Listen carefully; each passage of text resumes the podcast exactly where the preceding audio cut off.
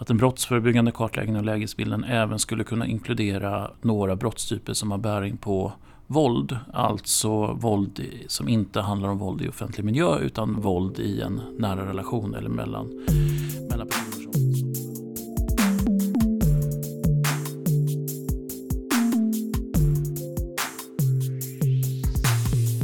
Hej och välkommen till FoU-podden.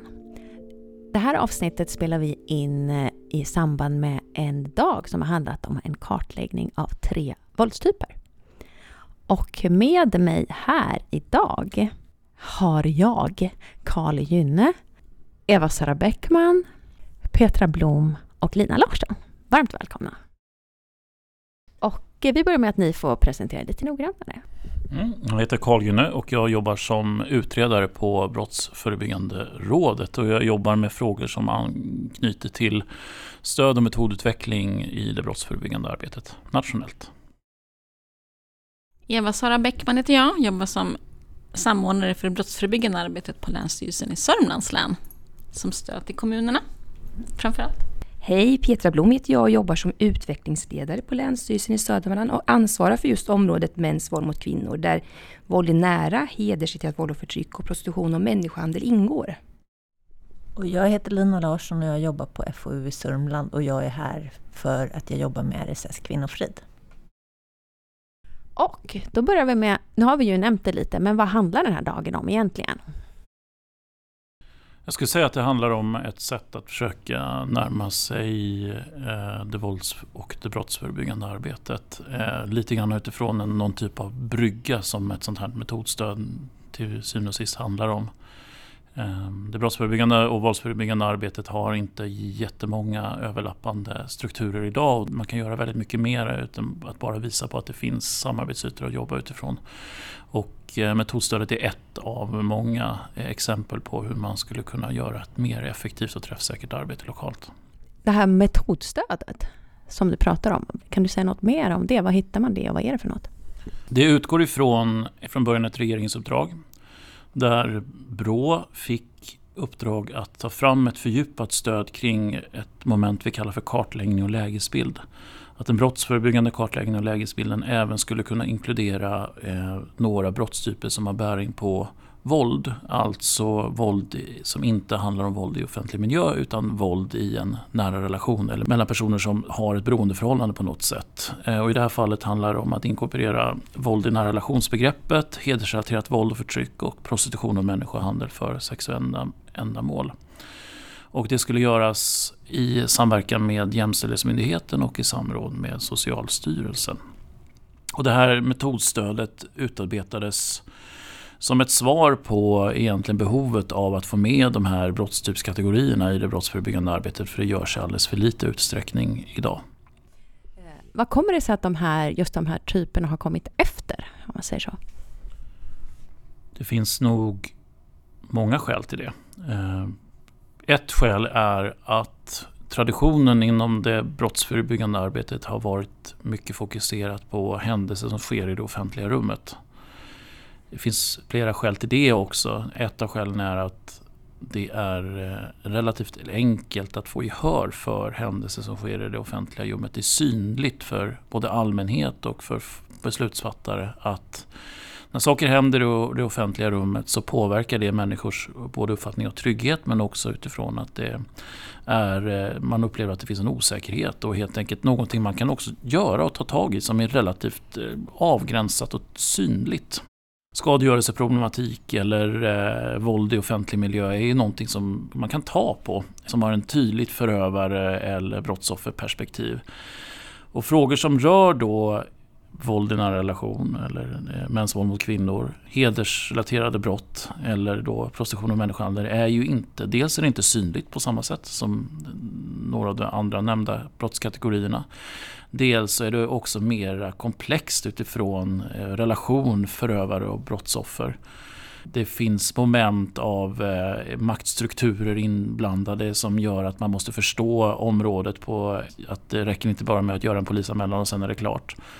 Och det helt enkelt uppfattas som krångligare och eh, mindre lättillgängligt. Och ofta utgår ju vi i det brottsförebyggande arbetet gräv där man står och då är det helt enkelt lite lättare att fokusera på andra brottstypsområden än det här. Eh, och då har helt enkelt inte det kommit med. Det finns andra brottskategoriområden som inte heller ofta kommer med i det brottsförebyggande arbetet. Men det här var särskilt tydligt i och med att det har ett också så tydligt genusperspektiv. Det här är ju brottskategorier där kvinnor är klart överrepresenterade som brottsoffer.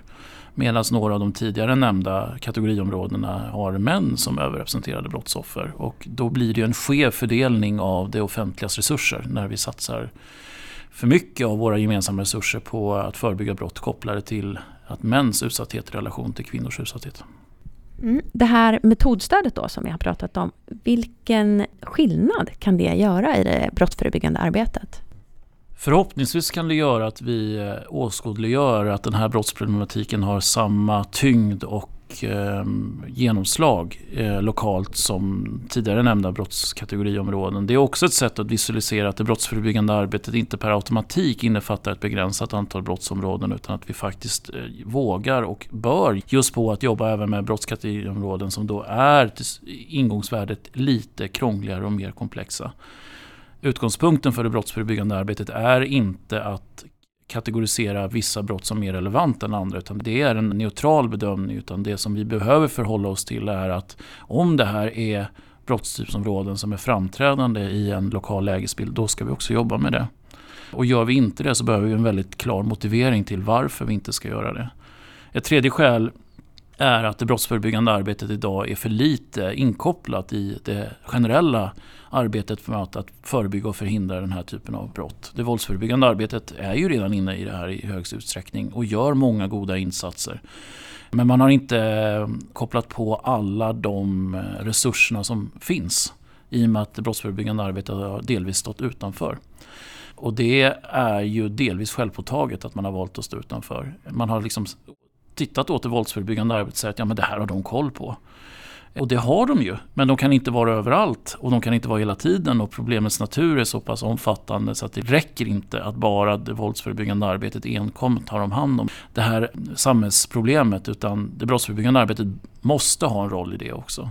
Ehm, därav så tror jag att det faktiskt är ganska låg tröskel på att när det brottsförebyggande arbetet börjar göra insatser inom det här området så kommer det faktiskt spela en viss roll. Om man tänker rent praktiskt då, vilka är det som ska använda metodstödet och hur använder man det? Utgångspunkten är ju att metodstödet är framskrivet för det lokala brottsförebyggande arbetets samordnare. Eh, de är ju den primära målgruppen för det här stödet. Att inkorporera stödet som en del i arbetet med kartläggning och lägesbild. Den brottsförebyggande kartläggning och lägesbilden som numera då är också belagd med lag. Man måste göra det. Sen finns det ju massa sekundära eh, målgrupper för detta. Och då kan vi prata om alla de som är involverade i det våldsförebyggande arbetet på olika sätt. Vi har allt ifrån socialsekreterare till skolpersonal till omvård och omsorgspersonal eller eh, privata näringsidkare eller allmänhet eller polis. Alltså det, eller civilsamhället. Alltså det, listan kan göras lång. Men där effekten av det är egentligen att du får ett ytterligare perspektiv eh, involverat i arbetet. Men den huvudsakliga mottagaren av stödet är för att få in det i ett brottsförebyggande kontext. Jag tänker att det är en, en del som är bra med den här dagen också. Att i och med att det är en mötesplats för människor som arbetar med kvinnofridsfrågor och människor som arbetar med brottsförebyggande frågor så finns det förutsättningar för en dialog som på många ställen så funkar det men det är ju inte alltid det funkar. Så det tycker jag har varit väldigt positivt också att det presenteras för två grupperingar samtidigt.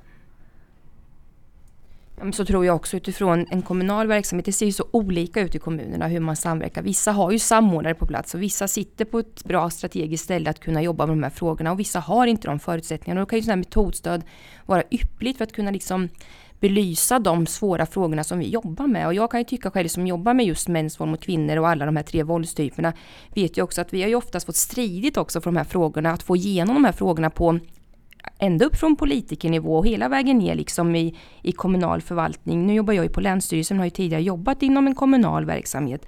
Och hur man liksom alltid får kämpa in de här frågorna. Jag tror att vi behövs då allihopa för att sätta lupp på de här frågorna och se hur för vad är det vi tar bort först då? Det är ju att jobba med tidiga insatser nästan alltid när vi får nedskärningar, och åtstramningar i en kommun. Och det här blir ju så himla bra, man kan få också det här på pränt att de här grupperna måste vi jobba med i ett brottsförebyggande arbete för att vi vill ju ändå att mäns våld mot kvinnor ska, det ska upphöra. Det är ju det som är målet med det här arbetet och då måste vi komma in med tidiga insatser som jag säger redan på öppen förskola när mamma och pappa sitter med sitt lilla barn och jobba med normkritiskt arbete, jämställdhet och få liksom bukt på just det här med mäns våld mot kvinnor. Och jag tror att det är viktigt att få det här på pränt så man inte bara liksom tar vissa lösningar att det här ska vi jobba med en kommun men vi vet inte riktigt är det där vi ska jobba med. Hur ska vi kunna följa upp det här arbetet? Ger det någon effekt? På arbetet som vi gör och blir det bra för den utsatta målgruppen i slutändan. Så jag tror ju på att jobba med metodstöd för att också kunna presentera för sin förvaltning eller kommunstyrelse eller politiker att vi har tittat på de här områdena vi jobbar så här tillsammans. Som du sa nu Karin, man måste jobba som brobyggare över i en kommun för att få till det här arbetet och då tror jag att det är jätteviktigt att ha ett bra metodstöd som man också kanske kan följa, kanske nationellt också se hur jobbar man i de olika länen, hur kan man bryta ner det på kommunnivå, vad är en lyckad effekt och vad är ett lyckat arbete? För att nu tror jag att vi gör på många olika sätt ute och vi behöver ta lärdom av varann. För vi vet att våldet har inte direkt minskat i hemmet utan snarare ökat på många plan. Jag tänker också, för att återkoppla till det, också det här med att man faktiskt krokar arm med varandra. När man genom den här kartläggningen och den gemensamma lägesbilden också tydliggöra och utifrån den då se behoven. Och då tror jag att det här med våldspreventiva arbetet verkligen får komma i lupp och i ett sammanhang som gynnar området och gynnar det brottsförebyggande arbetet också såklart. Men att det gynnas av det här, båda områdena. En sak som jag tar med mig väldigt mycket från dagen idag, det var det här du berättade om Karl, om mellannivån. Att att det våldspreventiva arbetet sällan är på selektiv nivå medan det brottsförebyggande arbetet är på mellannivån. Mm. Det tyckte jag kändes wow. Kan du förklara det där lite? Okej. Okay. Det är ju ganska vanligt att man pratar om en preventiv triangel med generella insatser, eh, selektiva insatser och insatser till liksom folk som är direkt drabbade. Eh, och att på den här selektiva nivån, mellannivån, eh, att mycket av det brottsförebyggande arbetet försiggår på den mellannivån medan det våldsförebyggande arbetet försiggår på de andra nivåerna. Så det finns genom, genom det här metodstödet, eller i alla fall genom samverkan och metodstödet som en, som en nyckel där, så finns det bättre förutsättningar att nå fler människor. Och det tycker jag är hoppfullt. Förutsättningarna för att arbeta med de här frågorna eh, varierar ju i hela landet. Men kan det här metodstödet kanske bidra till att hjälpa till där på något sätt? Ja, men jag tror det. Alltså, från ett nationellt perspektiv så kan ju Brå se att arbetets samverkansstruktur är ganska heterogent, alltså det skiljer sig åt. Eh, det är olika beroende på hur man har organiserat sig i eh, allt från såna här samverkansöverenskommelser, kommun och polis, till hur, den, hur det regionala arbetet hålls ihop, till hur upparbetade kanaler det finns mellan berörda aktörer beroende på vad det nu är för fråga vi diskuterar. Och eh, utan att ha detaljerad kunskap, för det har ju flera av de övriga närvarande vid bordet här bättre koll på specifikt hur det ser ut i Sörmland, så kan man ju säga att där de här grundstrukturerna finns, alltså förutsättningarna för att kunna jobba med ett sånt här stöd. När de är goda så ökar ju genomslagsmöjligheterna för själva metodstödets liksom poäng att göra skillnad för de vi är till för. Annars behöver man jobba med de organisatoriska förutsättningarna innan man närmar sig de rena liksom, utförarperspektiven. Här i länet så funkar det väldigt bra när det gäller samverkan mellan just kommunpolisen och den brottsförebyggande samordnaren lokalt. Och det tror jag gynnar det här området specifikt också framöver. Vi har en bra uppbyggd struktur.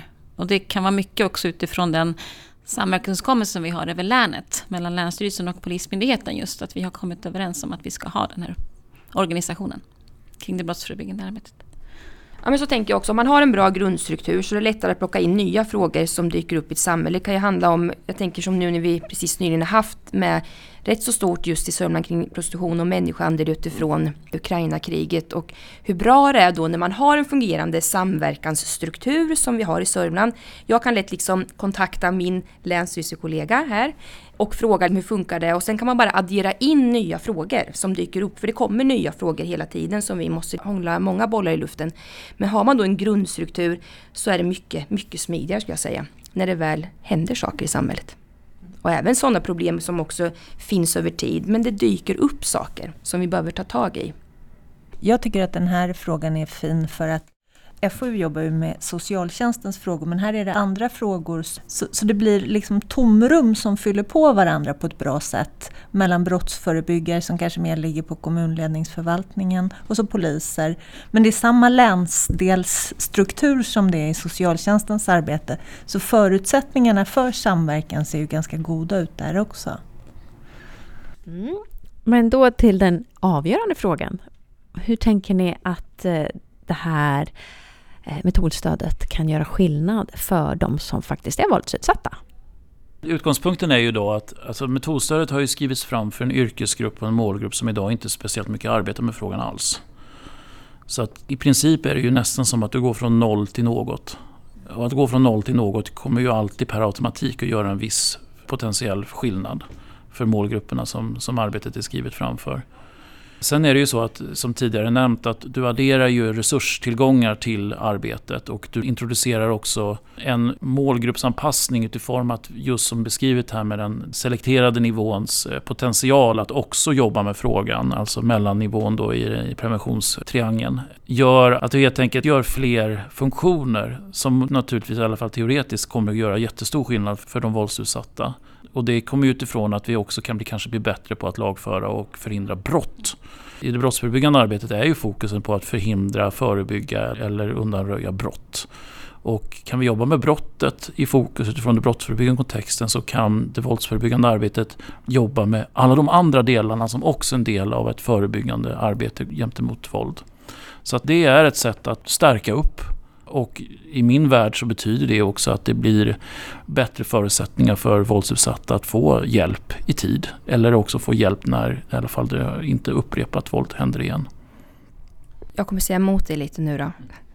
Nej, men jag tänker att det finns många yrkesverksamma och som jobbar som är jättebra på det här. Men vi har ingen systematik i arbetet så det blir som ett, eh, det blir som ett lotteri för våra våldsutsatta i samhället. Det är vissa som får jättebra hjälp och stöd och på vissa förskolor, skolor kanske man jobbar jättemycket med brottsförebyggande arbetet och man kommer åt den här problematiken. Men så på en annan skola eller förskola eller inom socialtjänst eller vad det nu kan vara så arbetar man inte alls på samma sätt. Och då tänker jag att det här måste vi få mer en systematiskt arbete så det blir likvärdigt för alla i en kommun, ett län eller nationellt.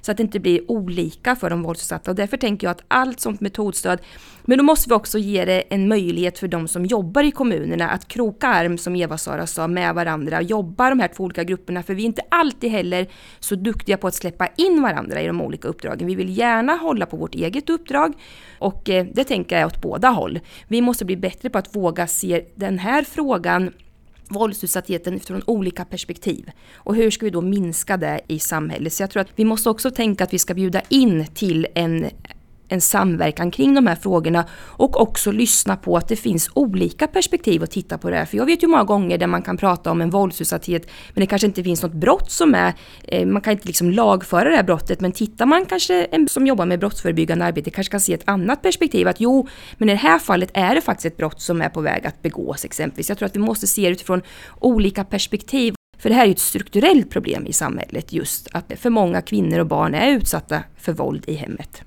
Jag vill säga en sak som jag tyckte har varit väldigt fin idag för att jag tycker det illustrerar frågan om vad det kan göra för skillnad för våldsutsatta. När kommun och polisrepresentanter satt i grupper nu så var det en av grupperna som när de presenterade efteråt så sa de att ja, vi har ju sett i de här kommunerna, det är många ärenden på just de här adresserna. Kanske vi ska ha verkligen praktisk samordning kring de här adresserna. Och den sortens, när man sätter sig ner tillsammans och kan ha förutsättningar, för det har man ju med, med möjligheten att komma förbi sekretessen utifrån brottsförebyggande perspektiv. så kan det göra praktisk skillnad för någon som är väldigt direkt våldsutsatt. Eh, jag har faktiskt intervjuat ett par av deltagarna också som var här idag, så vi kan ju lyssna lite på vad de säger. Hej, vem är du? Mårten Broberg heter jag. Kan du berätta lite mer var du kommer ifrån och din roll och så? Jag kommer från Nyköpings kommun där jag jobbar som säkerhetssamordnare med inriktning på brottsförebyggande arbete. Och vad kommer det sig att du är på den här dagen? Eh, för att fördjupa våra kunskaper om eh, de tre olika våldstyperna som ämnet var idag.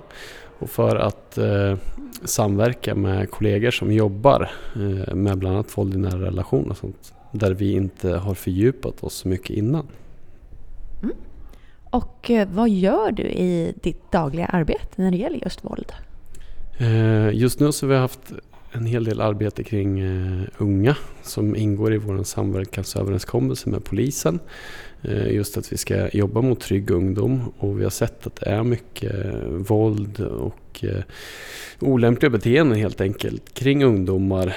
Om det är så på en busshållplats, vid busstationen eller om det är i skolan. Så vi arbetar mycket med det och involverat då bland annat skolan och ungdomsstödjaren i Nyköping i det arbetet. Hej, vem är du?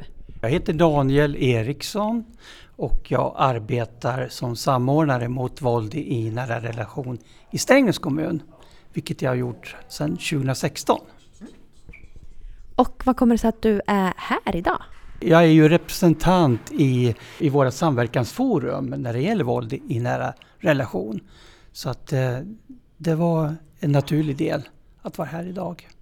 Och eh, i ditt dagliga arbete då, vad gör du för att motverka våld helt enkelt? Eh, just nu håller vi ganska mycket utbildningsinsatser, både internt och externt.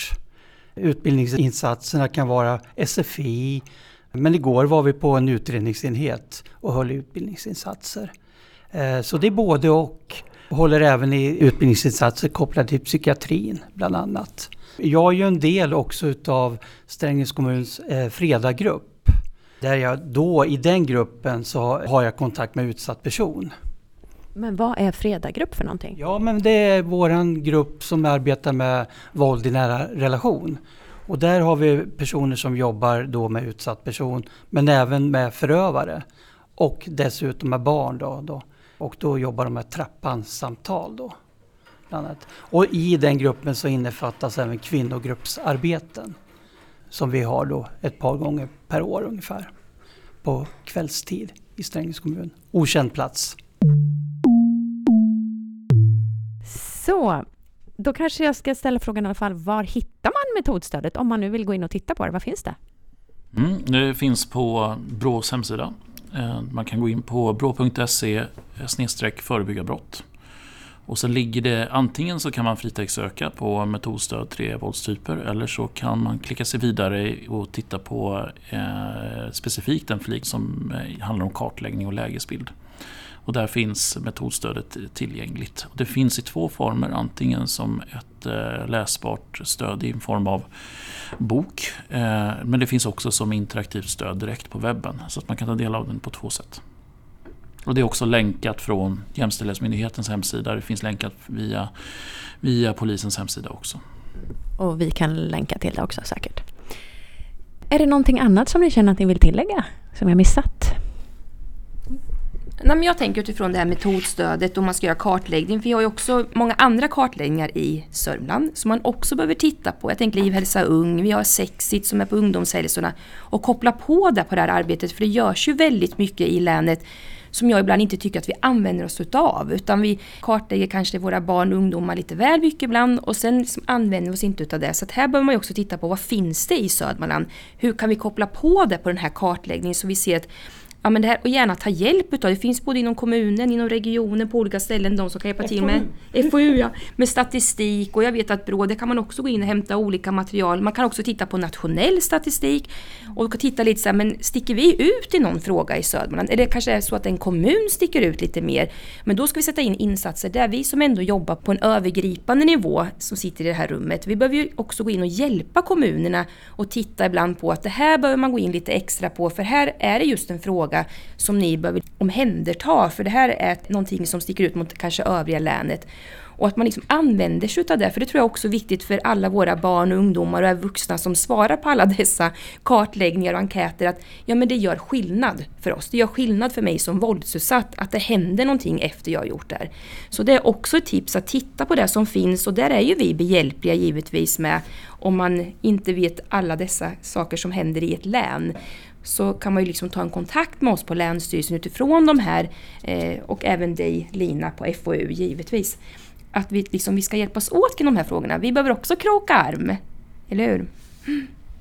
Jag tänker att mångt och mycket blir det som en effektivisering i det brottsförebyggande arbetet också. Och där har vi också utifrån den lag som faktiskt gäller nu från 1 juli, eh, att kommunerna ska arbeta brottsförebyggande. Så vi har verkligen, verkligen tillfälle här nu att kroka i arm. Jag tänker också något som kom upp under den här förmiddagen var ju det här med resurser och att man sitter och kör lite parallella race när det gäller det våldspreventiva arbetet.